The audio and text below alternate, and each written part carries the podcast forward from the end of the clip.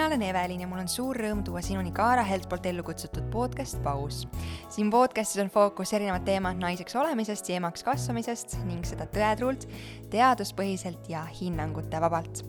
räägime täna hambaarsti Katiga sellest, miks on oluline raseduse ajal eriti suurt tähelepanu oma hammaste tervisele pöörata ning kuidas hoolitseda väikelapse ja beebi suuhügieeni eest tänast saadet toetab Foreo, mis on tipptasemel Rootsi ilu- ja tervisebränd ning on tuntud oma innovaatilise lähenemise poolest beebide suuhügieenile.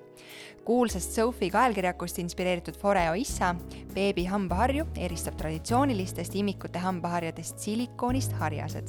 erinevalt teistest beebi hambaharjadest tavaliselt kasutatavatest jämedatest nailonharjastest on silikonharjased õrnad ja delikaatsed igemete ja tärkavate hammaste suhtes. see uuendus muudab Foreo issa beebi hambaharjad mitte ainult ohutuks, vaid ka erakordselt efektiivseks kattu eemaldamisel ja kaariase ennetamisel, pakkudes samal ajal rahustavat ja mugavat kogemust teie beebile. lisaks võib hambaharja kasutada igemete massaažiks, kui hambad on alles tulemas. rohkem hambaharja kohta ning seda, kust see oma beebile soetada, loe saate kirjeldusest. head kuulamist! tere, Kati! tere, tere! Meie saate fookuses täna on äh, hammaste tervis ja suuhooldus, ütlen ma seda õigesti? jaa.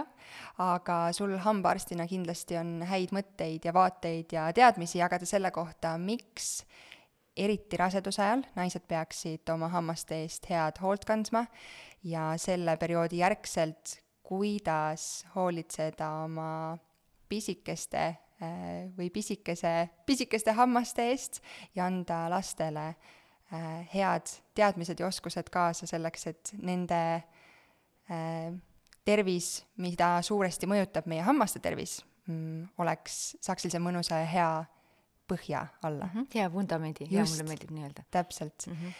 alustuseks, miks siis raseduse ajal ikkagi on nii tähtis oma hammaste eest hoolt head kanda? Ma arvan, et see vastus on klassika, sest tuleb sellepärast, et kõik on seotud, nii hammas kui väike varvas väga vahva. et me peame enda eest hoolitsema, oma suutervise eest hoolitsema e,. kui me oleme rasedad, siis on natukene rohkem aega tegeleda oma tervisega ja selles mõttes oleks hea aeg ka käia hambaarsti juures ära kontrollis. sellepärast, et pärast võib-olla on maailm natukene, vähemalt mõneks ajaks e, pea peal ja siis sellel ajal on suutervis korras, kui me hoiame ka head hügieeni, hügieenitaset, siis äh, meie poolt on mureta võime tegeleda teise tähtsa asjaga. Vähemasti minu äh, kõrvu raseduse ajal jõudis äh, väga palju seda infot, et, et isegi kui suu või hammaste eest hoolitsemine on täpselt samamoodi nagu varem on olnud ja kõik on korras olnud, siis rasedusperioodil võivad hambad äh, meie kehas toimuvate muutuste tõttu sellegipoolest rohkem laguneda, kas see on, vastab tõele mm? -hmm. see on selline populaarne äh, mõte või arvamus, aga pigem müüt, sellepärast et äh, enamasti tulevad siis raseduse ajal või sellele järgs, järgnenud ajal välja need probleemid, millega varasemalt ei olnud, ei olnud tegeletud. et sellepärast on nii oluline suutervis hoida äh, korras äh, pidevalt äh, tegeleda, hoida head taset, head hügieenitaset, kasutada abivahendeid, et see on hästi oluline. et kui rasedusaeg on tihtipeale fookus hoopis teistes kohtades mm. ja kui selle ähm, seal on mingid probleemid, võib-olla käia ka hambaarsti juures ära, mida ma väga soovitan teha, sellepärast et äh, Tervisekassal on ju rasedahüvitis ja kuni alla aastase Eh, lapsevanema siis ähm, hüvitis, mis on kaheksakümmend viis eurot mhm, aastas. mm, -hmm, et äh, väga soovitan ära kasutada selle ja teha sellel ajal see kontroll. Kui ma ei eksi, siis see on see täiendav hambaravihüvitis rasedatele ja alla-aastaste laste emadele mm -hmm. on Tervisekassa lepinguliste partnerite juures, on see nii? jah, lepingupartnerite juures on, on see võimalus kui varasemalt äh, ei ole kantud piisavat hoolt oma hammaste tervise eest, siis kas raseduse ajal hambaarsti juurde pöörduda on liiga hilja või äh, tuleks seda ikkagi teha, hoolimata sellest, et varem võib-olla ei olnud see vundament juba nii hea all mm,? loomulikult äh, tasub pöörduda ja alati alati, et siin ei ole mingit piirangut ja mingit takistust ei ole ka raseda, raseduse ajal äh, hambaaukude parandamine või igemepõletiku ravi, ravile. aga kergem on seda teha teisel trimestril, kuna esimene trimester võib olla, et on iiveldust, oksendamist rohkem ja niisugune ebamugavam tunne, et siis teine trimester loodetavasti on kergem ja kolmas trimester on kõht suurem, et siis jällegi on see teine trimester kõige mugavam aeg, kus käia hambaarsti juures. et hiljem lihtsalt selili ei saa enam lamada nii pikalt, kui võib-olla oleks ja, vaja? jaa, tahaks ko vahetada kohta ja niimoodi aga siis, mida veel välja tuua, et raseduse ajal sagedasemad probleemid on iiveldus, oksendamine ja sellega puhul tihtipeale soovitatakse, et aga näksige siis rohkem. aga kui näksige siis rohkem, siis jällegi hammastele on suurem koormus, et happerünnakut on rohkem, hambakude lahustub, mineraalained liiguvad hambast välja ja kui seda liiga sagedasti on, siis on jällegi hambaaugu oht järjest suurem et äh, ja teine varia-, teine asi, mis siis äh, sageduse, äh, sageda-, sageli raseduse ajal kimbutab, on igemepõletik, kuna hormoonid möllavad ja sellega, sellega siis on hästi oluline see õiged ravivõtted, õige pesutehnika, võib-olla ka hambaarsti poolt või hügienisti poolt siis lisapuhastus, et kindlasti on vaja pöörduda mm, hambaarsti juurde, kui midagi häirib kas raseduse ajal peaks kuidagi oma igapäevase suutervise eest hoolt kandmist mingis osas muutma, on see erinev äh, hambapasta valik äh,, hoopis äh, teistsugune hambaharja valik, on see midagi, mis nagu igapäevases hoolduses peaks teisiti tegema just rasedusperioodil? no mina olen mõelnud niimoodi, nagu heas mõttes võiks olla rasedusaeg nagu selline, et me oleme nagu supervormis äh,, ähm, nagu teeme sellist nagu maratoni või nii, või siis nagu lähme lahingusse ja meil on kõik äh, nagu tööriistad või relvad olemas ja väga, väga nagu korras. et vot samamoodi võiks olla ka suutervis, et meil on need tõesti need head meid suutervist toetavad harjumused, meil on hommikune ja õhtune pesu ja need on korrektsed, me ei lase üle nurga, me teemegi kaks minutit ja me vaatame, et see kaks minutit oleks täis, sest tihtipeale hambapesu kestab kahjuks kolmkümmend, nelikümmend sekundit, et noh, sellega ei saa kõiki hambapindu puhtaks, ühel hambal on viis pinda muideks ja hammaste vahelt eesmine tagumine pind siis, neid ei saa puhtaks hambaharjaga, et meil on vaja mingit abivahendit, on see hambaniit, hambavahe, vähehari, et äh, kõike seda on vaja teha, hambakatt on elus, äh, ütle, ütleme selle kohta kas biokile, hambakatt mustus hamba peal, et see kogu aeg paljuneb, mikroobid muudkui paljunevad, toiduosakesed on seal, seda on vaja hallata, mehaaniliselt hallata, et äh, sellepärast ongi, et hoiame selle vundamendi hea, peseme korrektselt, kasutame neid abivahendeid, teeme need head harjumused endale, isegi siis, kui meil on keerukam. isegi siis, kui me oleme väsinud rohkem äh,, tegemist rohkem, toimetamist, mõtted hajevil, et vot selles mõttes ma mõtlesin seda nii-öelda lahingut mm. ja siis, kui ka beebi sünnib, et sellel ajal ka me ennast päris unarusse ei jäta sa mainisid iiveldust ja oksendamist, mis on hästi sage probleem rasedatel esimesel trimestril. Äh, praktiline küsimus, kui seda oksendamist on ja tuleb ette, kas hambaid peaks pesema äh, pärast igat äh, seda olukorda või, või jätkuvalt hommikul-õhtul pärast lihtsalt veega loputamine, kuidas, kuidas käituma peab mm? -hmm. hea küsimus, et äh, tegelikult kõige kergem on lihtsalt kui meil ei ole võimalik korralikult loputada suud veega, siis kas või võtta lonks vett et, et see viib seda happelist keskkonda, neutraliseerib suus olevat happelist keskkonda. aga kas äh,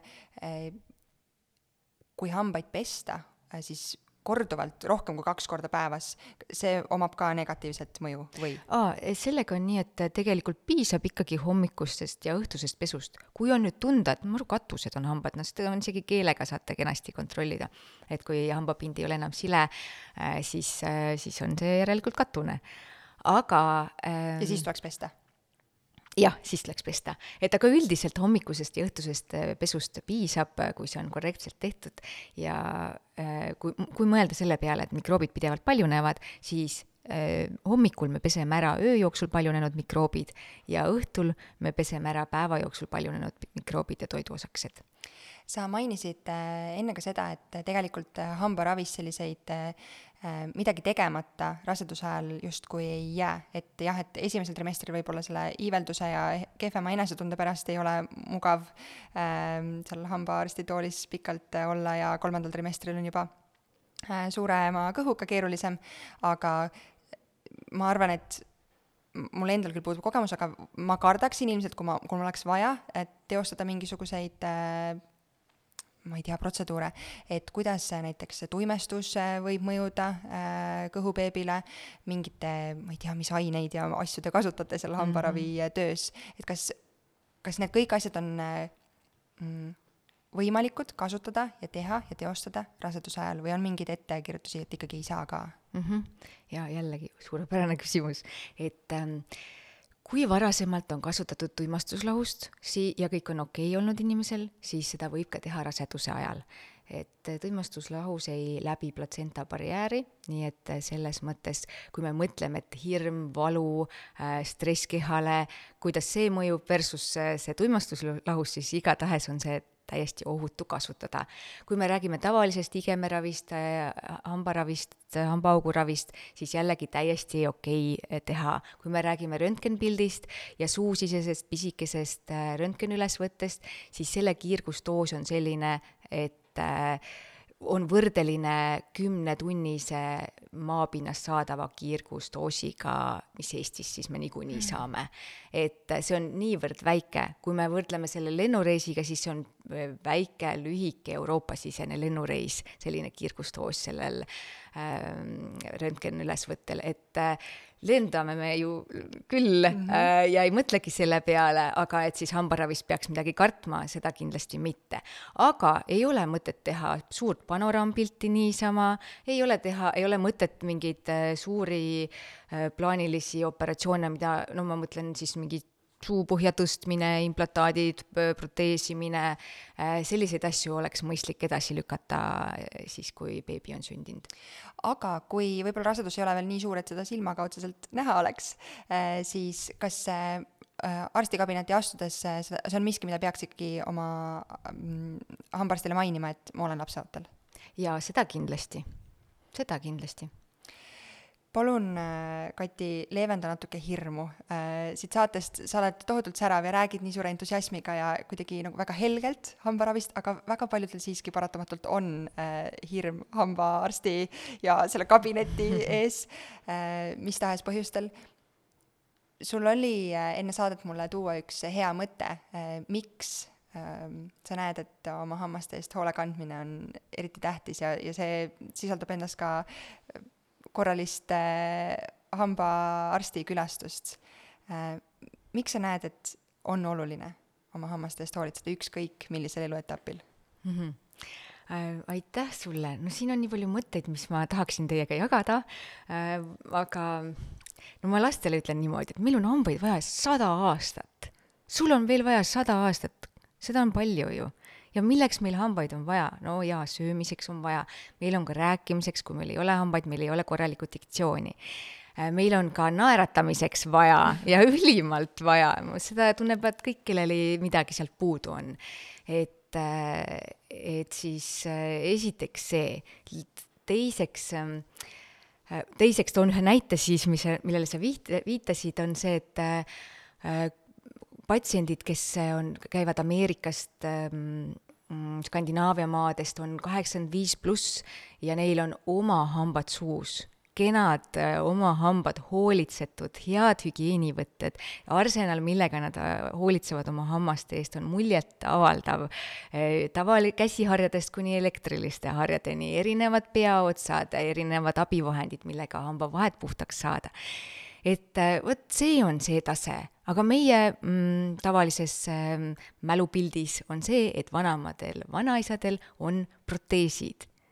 kui neidki kui neidki, et see võiks muutuda loomulikult ja noh, see kohe on ju hoopis teine elamise kvaliteet, elukvaliteet tänu sellele. nii et hambaarsti hirm nagu äh, see on asi, millega on vaja tegeleda, äh, on see siis väiksel lapsel, on see siis äh, täiskasvanul, seal on nii palju võtteid, kuidas saab rahulikult, saab, saab üle nendest äh, mägedest äh, ja seintest, mis sinna ette on tekkinud, saab selle ära lahustada, saab selle rahulikult, oleneb siis äh, sellest põhjusest, oleneb kõigest millest, et kuidas me siis läheneme.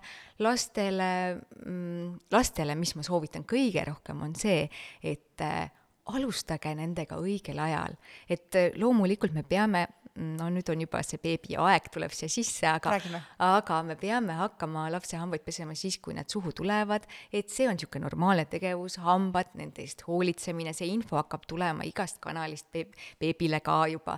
Äh, ta ju, nad on nii nutikad, nad järjest kõike omandavad nagu käsnad, vaatavad meie pealt, meie harjumusi äh, ja pidevalt anname igasuguseid mõtteid ja võtteid neile edasi, suukooli poolt on igasuguseid asju, mis aitavad väikelapsel seda seda kõike lõbusamaks teha, hambapesulaul, hambapesu äpp, hambapesukalender, nagu lihtsalt võtke, kasutage neid tööriistu, mis teile endale äh, tunnete, et sobib, sobitub teie, mm, teie lapsega ja teie mõtetega.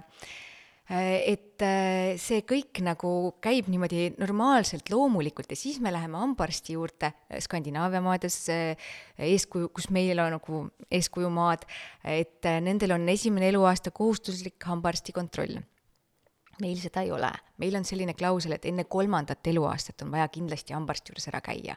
aga kui me niimoodi juba olemegi töös igapäevaselt nende laste hammastega, peseme neid, siis me näeme neid, me näeme, kui midagi on, siis loomulikult kohe vaja, on vaja minna hambaarsti juurde. aga kui seda ei ole, siis enne kolmandat eluaastat on vaja kindlasti ära käia ja mitte lihtsalt ära käia, et, et äh, uh, nüüd käisime ära, nüüd rohkem pole vaja vaid nüüd sa oledki selle tsükli sees, et äh, me käimegi, see on normaalne koht, kus käia, me suhtume sellesse normaalselt, mitte niimoodi, et see õudne koht ma ei tea nüüd, näita nüüd suud ja mingi tee nüüd lahti ja kui sa teed, siis ma ei tea, mis ma pärast sulle annan või ei anna. et äh, vot need asjad, see suhtumine võiks olla juba vanakool me käime, me käime nagu juuksuris, me käime nagu autoga hoolduses, me käime nagu noh, täiesti selline tavaline koht, me ise seda ei saa hallata niimoodi ja hooldada. et hambaarsti juures käime ja, ja siis, kui noh, näiteks ma räägin enda patsientidest nüüd, et ja need lapsed, kes niimoodi tulevad poole aasta tagant, siis me kontrollime, nad mäletavad, nad iga kord me, see usaldus järjest kasvab ainult, nad juba ootavad hambaarsti juurde tulekut. ma pesen neil hambaid, ma lakitan neid hambaid, et nad oleks tugevamad ja kui ka midagi on siis selle asja, kuna nad on juba harjunud kõigega, mis seal on, nad teavad mu kabinetti, me mängime seal, me pritsime vett, me puhume õhku, me tõmbame kõrs imuriga selle topsi tühjaks veest, sõidame tooliga, vaatame telkust multikat, no mida seal nagu, mida seal õudsat isegi on. isegi tahaks niiviisi hambaarsti juures käia, Kati. no vot, no vot ja ise, ma selle kohta, et sa ütlesid, ma isegi, ma ei, ma ei keela ka seda, kui emad-isad äh, lastega koos ju istu-, ma tahangi, et nagu laps tunneks ennast võimalikult turvaliselt, et nad istuvad koos, nad lähevad koos pikutama ja nad vaatavad seda multikat koos niimoodi, et ma, siinkohal ma mõtlen ka, et issand, oleks saanud ka oma isa või ema nagu niimoodi rinna peal pikutada ja vaadata koos mult, et nagu niisugune noh, kohalolu hetk väga,. väga-väga vahva. Enne kui me täitsa laste teemadele lähme, siis üks küsimus mm, trendikas populaarne teema on hammaste valgendamine. kas koduste vahenditega siis mm, -hmm. kas see on miski, mis rasedusperioodil võiks tegemata jääda?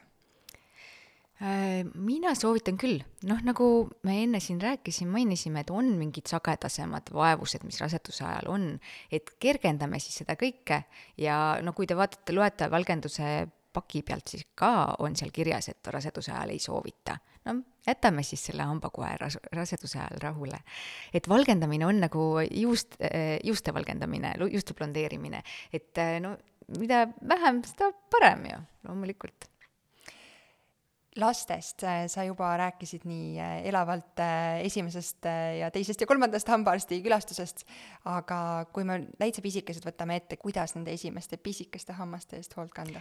Ma ütleks alustuseks veel seda asja, et kui need hambad hakkavad tulema, siis loomulikult on vahest niimoodi, et on need vaevused, on roh-, laps rohkem viril, on äh, vahest ongi see limaskest täiesti põletikuline ja hädas omadega, et no leevendame, mis me leevendame, paneme need närimislelud külmkappi ja anname neid külmemaid, on kergem talle, anname midagi närimiseks, mis iganes talle siis meeldib.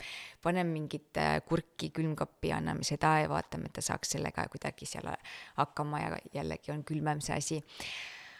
Aga kuna see beebiiga on selline, et laps niikuinii protsessib nii palju, kasvab nii palju, areneb tohutu kiirusega ähm,, seedelundkond seal elab ja kasvab ja, ja kõik need see, e, jah, ühesõnaga äh, et kõik to-, kõike toimub, et äh, ma näen väga palju seda, et äh, ah need hambad on süüdi kõiges selles viriluses ja selles ja tolles ja äh, vahest tõesti on aga on küllalt kordi, kus ei ole, et teeme natuke, muudame natukene vähemaks seda pinget nende hammaste pealt.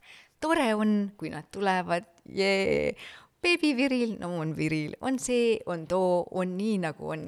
et äh, rohkem sellist nagu lihtsalt sellest läbikulgemist võiks olla ja vähem hammaste süüdistamist.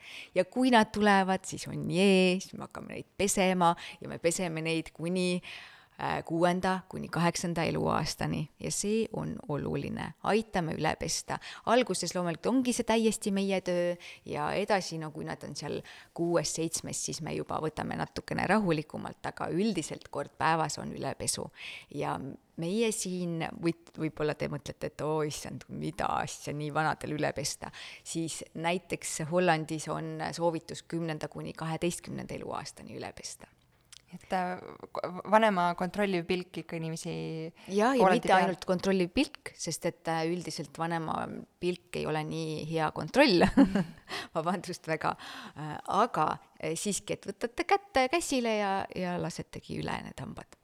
et vot selline, see on hästi-hästi oluline nende ruumiline mõtlemine ei ole veel nii hästi arenenud, koordinatsioon ei ole veel nii hästi arenenud ja sellepärast me seda teeme. me ei lase ju lapsel, et tee endale mingi korralik punupats ja mine lasteaeda või, või, või siis väiksel beebikesel, et pese oma või pühi pepu ära korralikult, et et neid asju me ju aitame, miks me siis hambapesus ei aita, et me, ma küll kuulen neid, et oi, ta ise peseb nii usinasti, ise ta matkib, aga meie teeme selle töö ära meie siiski puhastame need hambapinnad ära. Ja lastel me ei hakka rääkima hambaniidist, me räägime hambaharjaga pesust ja kolm pinda on vaja puhtaks pesta, hammustamise pind, põsepoolne pind ja keelepoolne pind.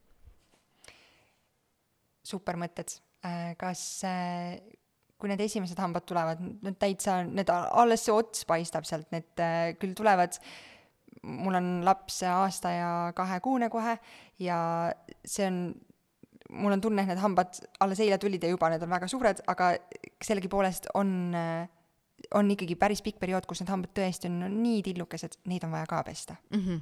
kuidas? just, et äh, kõigepealt on täitsa okei okay,, kui on see näpuhari, et siis on natukene, jaa, silikonist näpuhari, et siis on parem selline tunnetus, aga kui seda ei ole, lihtsalt väikese peaga, pehmete harjastega laste hambahari teeb töö ka suurepäraselt ära.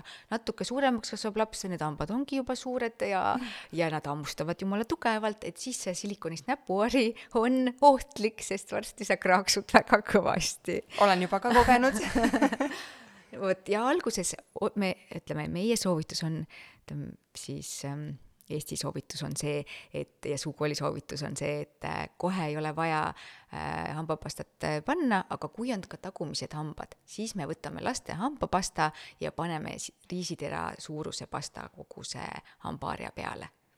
Et äh, siis meil on vaja juba vaikselt hakata kaitsma hambaid ja riisitera suurune kogus on põhimõtteliselt hambaharjased kokku määrida pastaga kui on kolmeaastane laps, siis on, siis ta üldiselt oskab juba sülitada välja ka ja siis on hernetera suurune pastakogus. just, ehk on oluline see, et see esimene hambapasta, kui see kasutusele võetakse, oleks siis see, mis ei ole ohtlik, kui see laps selle alla neelab. pigem on doseerimine oluline. Et kui me paneme selle riisiterase suuruse koguse, siis äh, tehku, neelaku seda alla, sellest ei ole midagi. ja siinkohal ma soovitan täiesti laste hambapastat, kus on fluoriid sees, et äh, seda kasutada, kuna see aitab äh, hambakoel olla tugevam, kui happerünnak tuleb. neutraliseerib ka happerünnakut kõik teavad ja siit saatest on ka korduvalt läbi käinud, et äh, oluline on hambaid pesta kaks korda päevas. kas nende eriti pisikeste beebihammaste puhul on see täpselt samamoodi? aa, vot jälle nii hea, et sa sellest ka tõid, selle ka välja tõid.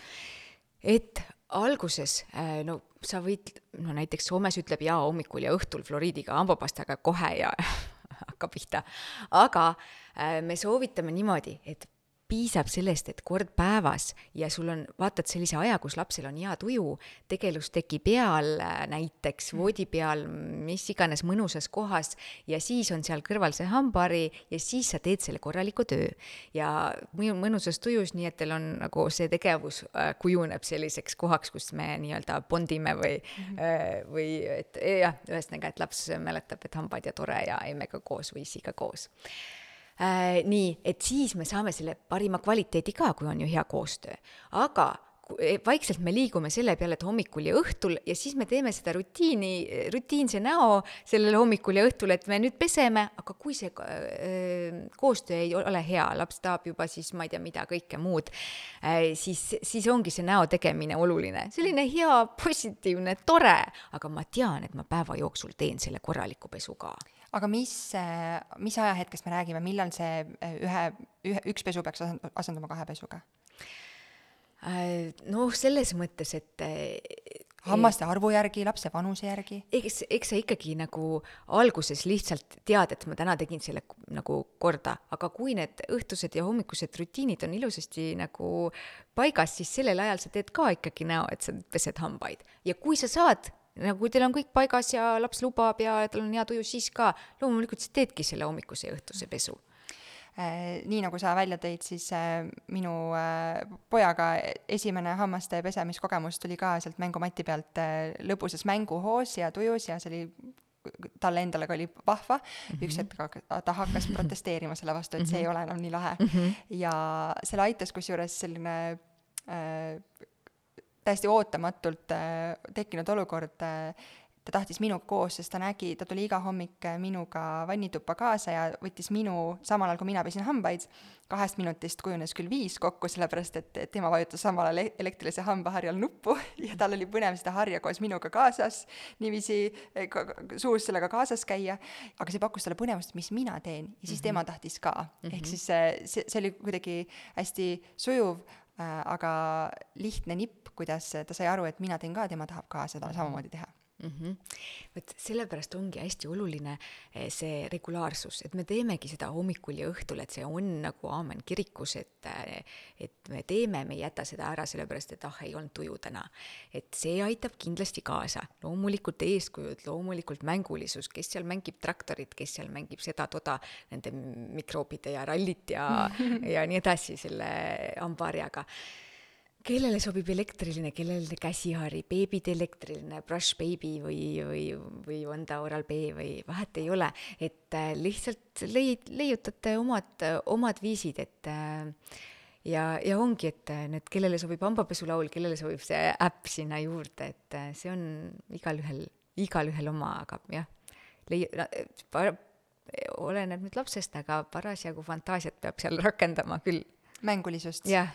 Kas äh, sellepärast äh, peab, peaks muret tundma või et kui see õhtune hambapesu äh, väikelapsega ähm, saab tehtud seal unnemineku rutiini juures, aga pärast seda näiteks laps saab veel rinda või, või pudelit, kas see järjekord tohib selline olla, et hambad on enne pestud ja siis veel pudel enne unne jäämist või tegelikult peaks hambad pesema viimase osana päevast mm? -hmm no jaa, peaks küll, aga oleneb nüüd vanusest ja oleneb sellest, kas lapsel on mingeid kahjustusi märgata juba hammastel või mitte.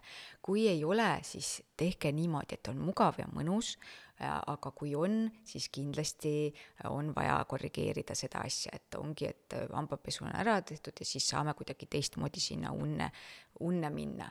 et ähm, siinkohal sa küsisid ka, et mis on mis on oluline seal, mis aitavad beebihambad tervena hoida, et me rääkisime nüüd hambapesust, on ju, aga loomulikult see toitumise sagedus on ka oluline, kui me räägime beebist, ehk siis null kuni üheaastane laps, siis äh, sellel ajal nagu on nii või naa, üldiselt on üldiselt on hästi. mida on vaja silmas pidada, on see, et äh, me enda suust igasuguseid, mis kõike mikroobe meil seal on, ei annaks niimoodi kõige mõttetumates kohtades, vabandust väga, üle lastele, ehk siis võtame lusikaga, testime pudrukuumust ja anname sellesama lusika lapsele suhu ka veel. et äh, ärge seda tehke sellepärast, et me, need mikroobikesed, mis lapse suus on, seal ei ole tegelikult alguses kaariast tekitavaid baktereid või mikroobe Äh, aga me ise nakatame nad äh, selle kõigega. Mm, ja mida hilisemal ajal see tuleb, seda parem ja mida väiksemas kontsentratsioonis ka.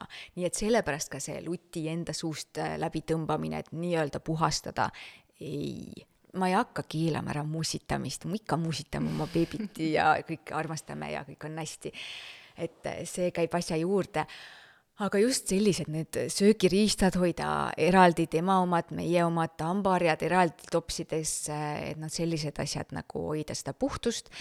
Siis edasi söögikordade sagedus on oluline, et e, kui hakkab lisatoitu saama, et ongi söögikorrad, kui me anname rinda ka, siis oleneb ju lapsest, kellel kuidas on, rahutus, temperament, seal see Äh, seedeelundkonna probleemid või mitte, et äh, mõnel on nii, et ripubki tissi otsas ja öö läbi, et noh, need asjad on hammastele väga keerulised, on, sõltub ka sellest, kui kiiresti need hambad siis suhu, kui varakult need hambad suhu lõikuvad.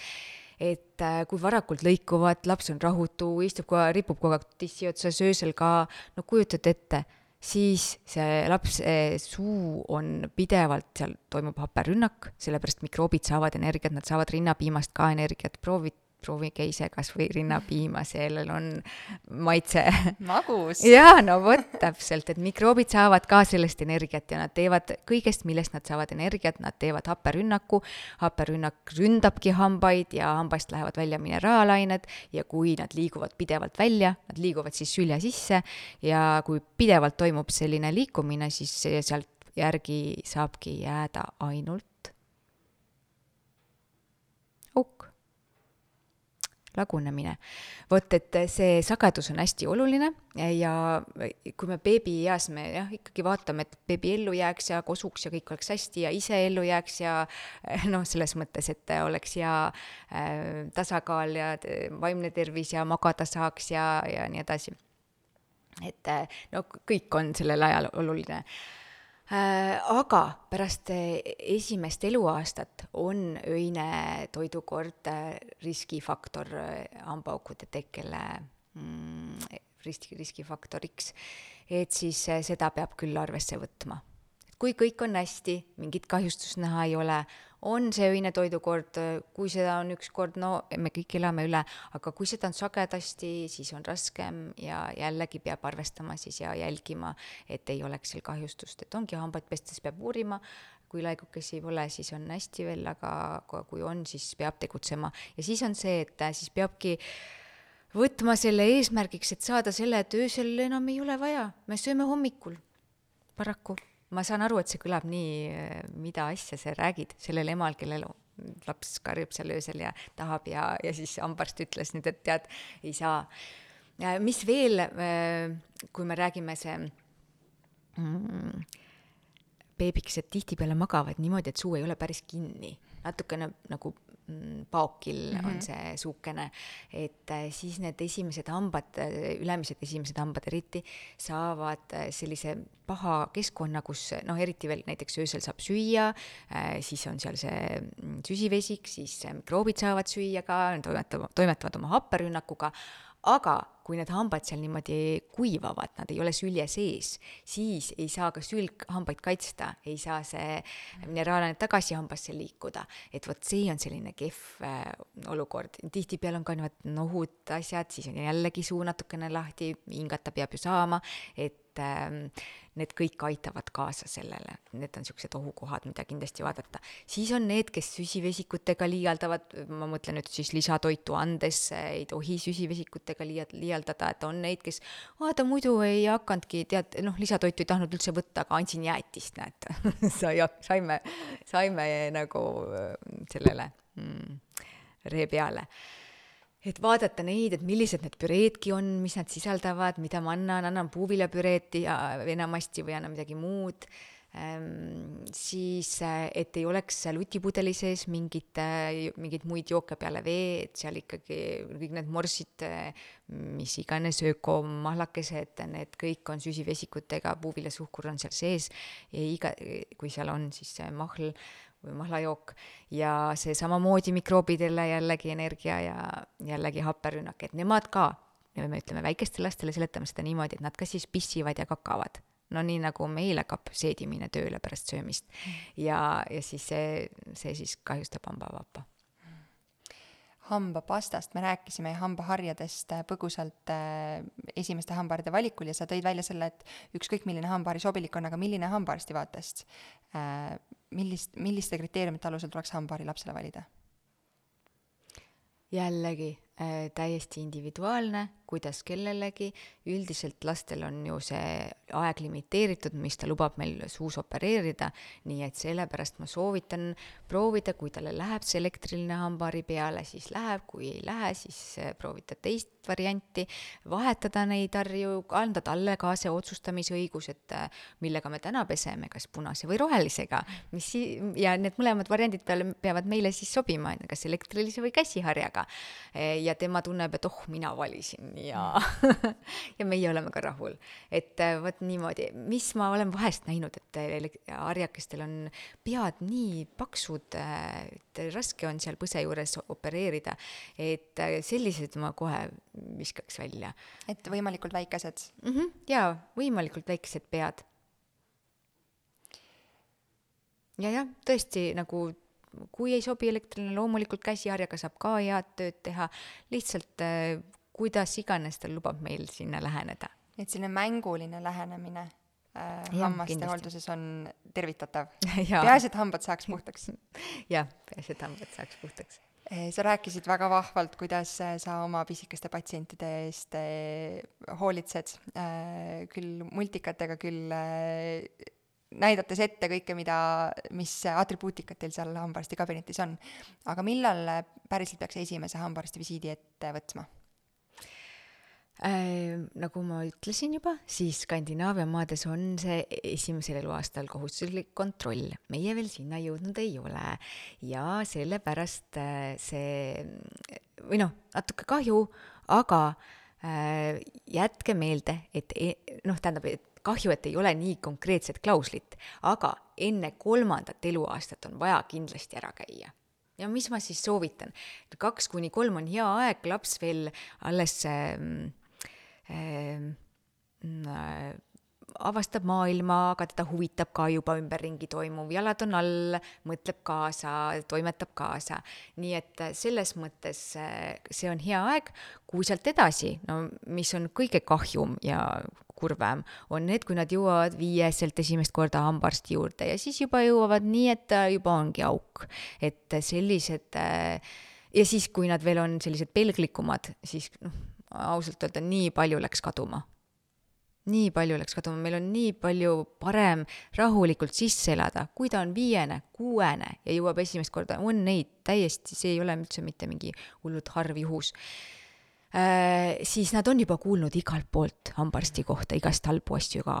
no ja mis meile see annab juurde, mitte midagi et tuleb võimalikult küll on mingi vanemad vanaisad oma mingi purijutu või emad-isad kogemata tead kas või rääkinud midagi, mis tal endal oli või kardab minna või, või eemaldati mingi hammas ja ilge õudus või lasteaias räägib keegi mingit halba juttu, noh, see on nii vähesest piisab, et, et mõjutada halvasti.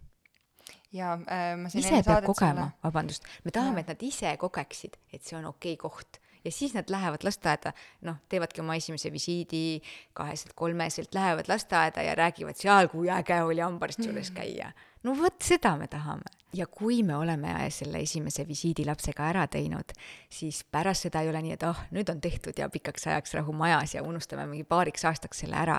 et ei, vot siis ongi, on see jalg ukse vahel ja nüüd hakkab pihta iga poole aasta tagant või iga aasta tagant, oleneb siis see individuaalselt äh, määratud intervallile, et kuidas hambaarst soovitab. ja täiskasvanutel samamoodi ja täiskasvanutel samamoodi. et jah, siis hakkab pihta see ja mina soovitan juba, et pange kohe järgmine visiidiaeg kirja, äh, sest elu läheb kiiresti, eriti koos lastega elu läheb kiiresti ja aeg läheb kiiresti, et äh, siis on ta pandud ja ei ole niimoodi, et aa, me ei saanud aega. kas enne esimest äh, hambaarsti visiiti peaks last kuidagi ette ka valmistama? vot see on selline asi, mida mulle tundub, et lapsevanemad pigem tahavad teha nad tahavad rääkida, ära karda, me lähme nüüd sinna hambaarsti juurde, ta ei tee mitte midagi ja nii edasi. ainult vaatab. jaa, ainult vaatab. ja siis, kui nad jõuavad sinna kabineti ukse taha, siis hakkab see asi veel eriti intensiivselt pihta.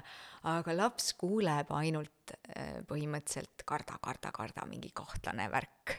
et ma tõesti soovitan, hoidke ennast tagasi võtame rahulikult, suhtume sellesse kui normaalsesse asja, laseme arstil tööd teha, kui see arsti stiil tõesti ei sobi, siis on teine lugu, siis on vaja teinekord teise kohta minna, aga ma ei taha sellele üldse praegu keskenduda, et äh, suhtume sellesse normaalselt, see kõik see äh,, mis seal toimub kabinetis, et me tutvustame seda tooli ja oma asjakesi, laps vaatab, kui ta on huvitatud maailmast, ta tuleb kaasa sellega. Ja siis see hammaste vaatamine käib nagu möödaminnes või see on nagu sihuke ähm, lisaasi, mida me nagu kõigepealt tutvusime ja siis vaatame. Ja meil ei ole vaja seal ette hullult lapsele rääkida, mis seal toimuma hakkab. see on hambaarst, see on see tädi, kes, kellele meeldivad väga hambad näiteks või onu. Äh, ja, ja meile ka, me ju hoolitseme nende eest räägime nendest natukene, sest et väga suur osa on ka selles, et me nõustame lapsevanemat sellel teemal, et mis nad seal kodus teevad, kas on pesu, kas pestakse hambaid, kas on päriselt ka ülepesemine või on selline, et lapsel on hambari käes ja siis see ongi hambapesu. Mis, kuidas need söögikordade sagedused on, mis on janujoogiks, kas magusaga peetakse piiri, peatakse piiri? Et need asjad on ka ülimalt olulised, et kui laps tõesti nagu väga Mm, ärevil, elevil on, siis ongi see esimene visiit selline, kus jess, me saime lapsevanema kätte ja me näitasime lapsele, et näed, selline koht on. ja siis tuleb teine visiit sinna otsa, suhteliselt väikse intervalliga. Äh, ja siis ta on juba, aa, okei okay,, see koht, see tädi, see nii, ja siis me saame juba kõiki teisi asju teha. et niimoodi ideaalis läheb see äh, sisseelamine sellesse hambaarsti juures käimisesse. ja laste hambaravi jätkuvalt kuni üheksateistkümnenda eluaastani on jaa, äh, on, äh, selle tasub äh, Tervisekassa, kui lähete lepingu, Tervisekassa lepingupartnerite juurde, väga Ehk oluline. see ei ole, see ei ole põhjus, miks jätta minemata. jah, täpselt, et keegi ei pea midagi omast taskust maksma peale selle visiiditasu viis euri, viis eurot et kõik muu, kõik ravi, ennetus on Tervisekassa poolt, et kasutage seda võimalust ja jah kõik võimalused on antud, ma ütleks. kas äh, midagi äh, äh, seoses rasedate hammaste tervisega või laste hammaste tervisega on veel, mis vajab tähelepanu ja mainimist oh,? ma mõtlen natukene tehke enda elu mugavaks, ma soovitan. tegutsege enne, tegutsege siis, kui on hea aeg, kasutage seda hüvitist, hoidke kodus head äh, harjumust, kui ei ole veel piisavalt hea, siis lihtsalt võtke käsile see asi ja harjutage, no harjumuse kujunemine võtab natukene aega, aga lõpuks ta tehtud ju saab, see on kõik hea eesmärgi nimel. Äh, kui tuleb see beebiga koos see ela, elu hakkab pihta, et siis sellel ajal ka ei jäta päris unarusse, see on see koht, kus on meie noh, räägin enda siis hammaste tervisest, on ju, et äh, oma suutervist ei jäta siis unarusse, et see on see koht, kus me hoolitseme, see on nagu self-care moment või, või nagu enese eest hoolitsemise hetk, et äh, mina, ma ise fännan väga hambapesu, ma võtan selleks mõnusalt selle hetke ja ma noh, Äh, ma ei tea, kas see on nüüd hea soovitus või mitte, aga mulle meeldib mitte seda teha seal hamba äh, vannitoas kraanikausi ees, äh, peegli ees niimoodi püsti seistes. mulle meeldib nagu, kas ma istun rippkiigus või vaiba peal pikali või vannis ja siis ma teen seda mõnuga, pesen, pesen, siis niiditan, siis pesen veel pealmise, veel lisa, siis sülitan ainult välja, ei loputa ja siis ma saan sellise mõnusa suu, kus see hambapasta jääb toimima ja no beebidega nagu võtame loogiliselt, seda peab, neid peab hooldama äh,, need iseenesest seal kuidagi, nad tunduvad küll ilusad, nunnud, valged, puhtad äh,, mis seal enam on ju, aga biokile tekib ikka peale, see mikroobihunnik tekib ikka peale, me peame seda halda, haldama, see on elus ja nad toime, toimetavad ja nad on, kui neil lastakse lapata, äh, kui see söömine äh, on hullud süsivesikute rikas, toitumiskorrad on liiga sagedased, keegi neid ei puhasta pealt ära. Oi, kuidas nad lapavad ja siis see, nad on hästi, siis nad on õelad ka. Ja siis neil on selline tohutu nagu korralik sihuke linnasüsteem, nad toetavad üksteist, info liigub, energia liigub, kõik toimetavad. Ja happerünnak on väga pikk ja tugev, et selles mõttes siis on see lagunemine palju kiirem. ma tulen korraks tagasi oma üle-eelmise küsimuse juurde, et äh, sa ütlesid, et äh, no kahe-kolmeaastaselt on see nagu super aeg tegelikult äh, esimene hambaarstikülastus ette võtta. kas on midagi, mille, mis nagu õigustab ikkagi varem minekut, kui vanem paneb tähele, et hammastel on mingid laigukesed või, või mida tähele panna mm, -hmm. et mingid täpikesed laigukesed, mis pestes maha ei tule, siis kohe hambaarsti juurde okay.. Mm -hmm.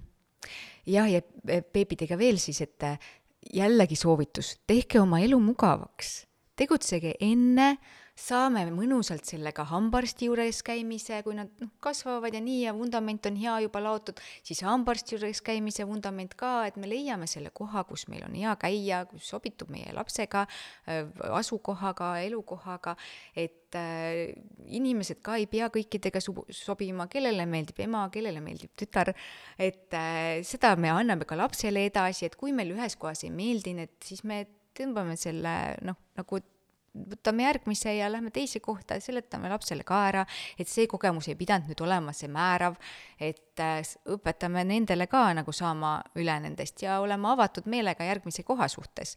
et vot seda soovitan, kui on nüüd nagu probleeme selle mm, hea, hea usaldusliku koha saamisega, kontakti saamisega ma loodan, et tänasest saatest äh, kõik said inspiratsiooni, et kes ei ole pi-, liiga pikalt äh, hambaarsti juurde sattunud, siis täna panevad kõik endale aja kirja. Äh, need, kelle lapsed on selles vanuses, siis võtavad ka selle ette ja pööravad igakülgset tähelepanu ka koduses suuhoolduses ja paranda mind, kui ma eksin, aga nii nagu täiskasvanud vahetavad oma elektrilise hambaharja otsikuid eh, või siis käsihambaharja, siis laste puhul ka iga kolme kuu tagant, kuidas mm -hmm. see, mis see tava on, millal tuleks vahetada? ikka kolme kuu tagant, et kui nüüd mikroskoobiga neid harjasid uurida, siis seal ikka elu see käib. elu, elu käib jah, nii et tasub vahetada loomulikult suur,. suur-suur aitäh sulle, Kati Äh, ma arvan, et leevendamast äh, paljude hirmu, sest sa rääkisid nii positiivselt ja nii elavalt ja nii säravalt äh, paljude jaoks hirmutavast suutervise teemadest ja aitäh, et sa teadlikkust tõstsid meie nii naiste rasedate kui, kui laste hammaste tervise eest hoolt kandmisel, aitäh! aitäh sulle ka! tšau!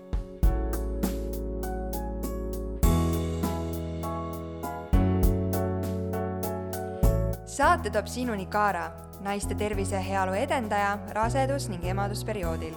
vaata lähemalt kaarahealth.io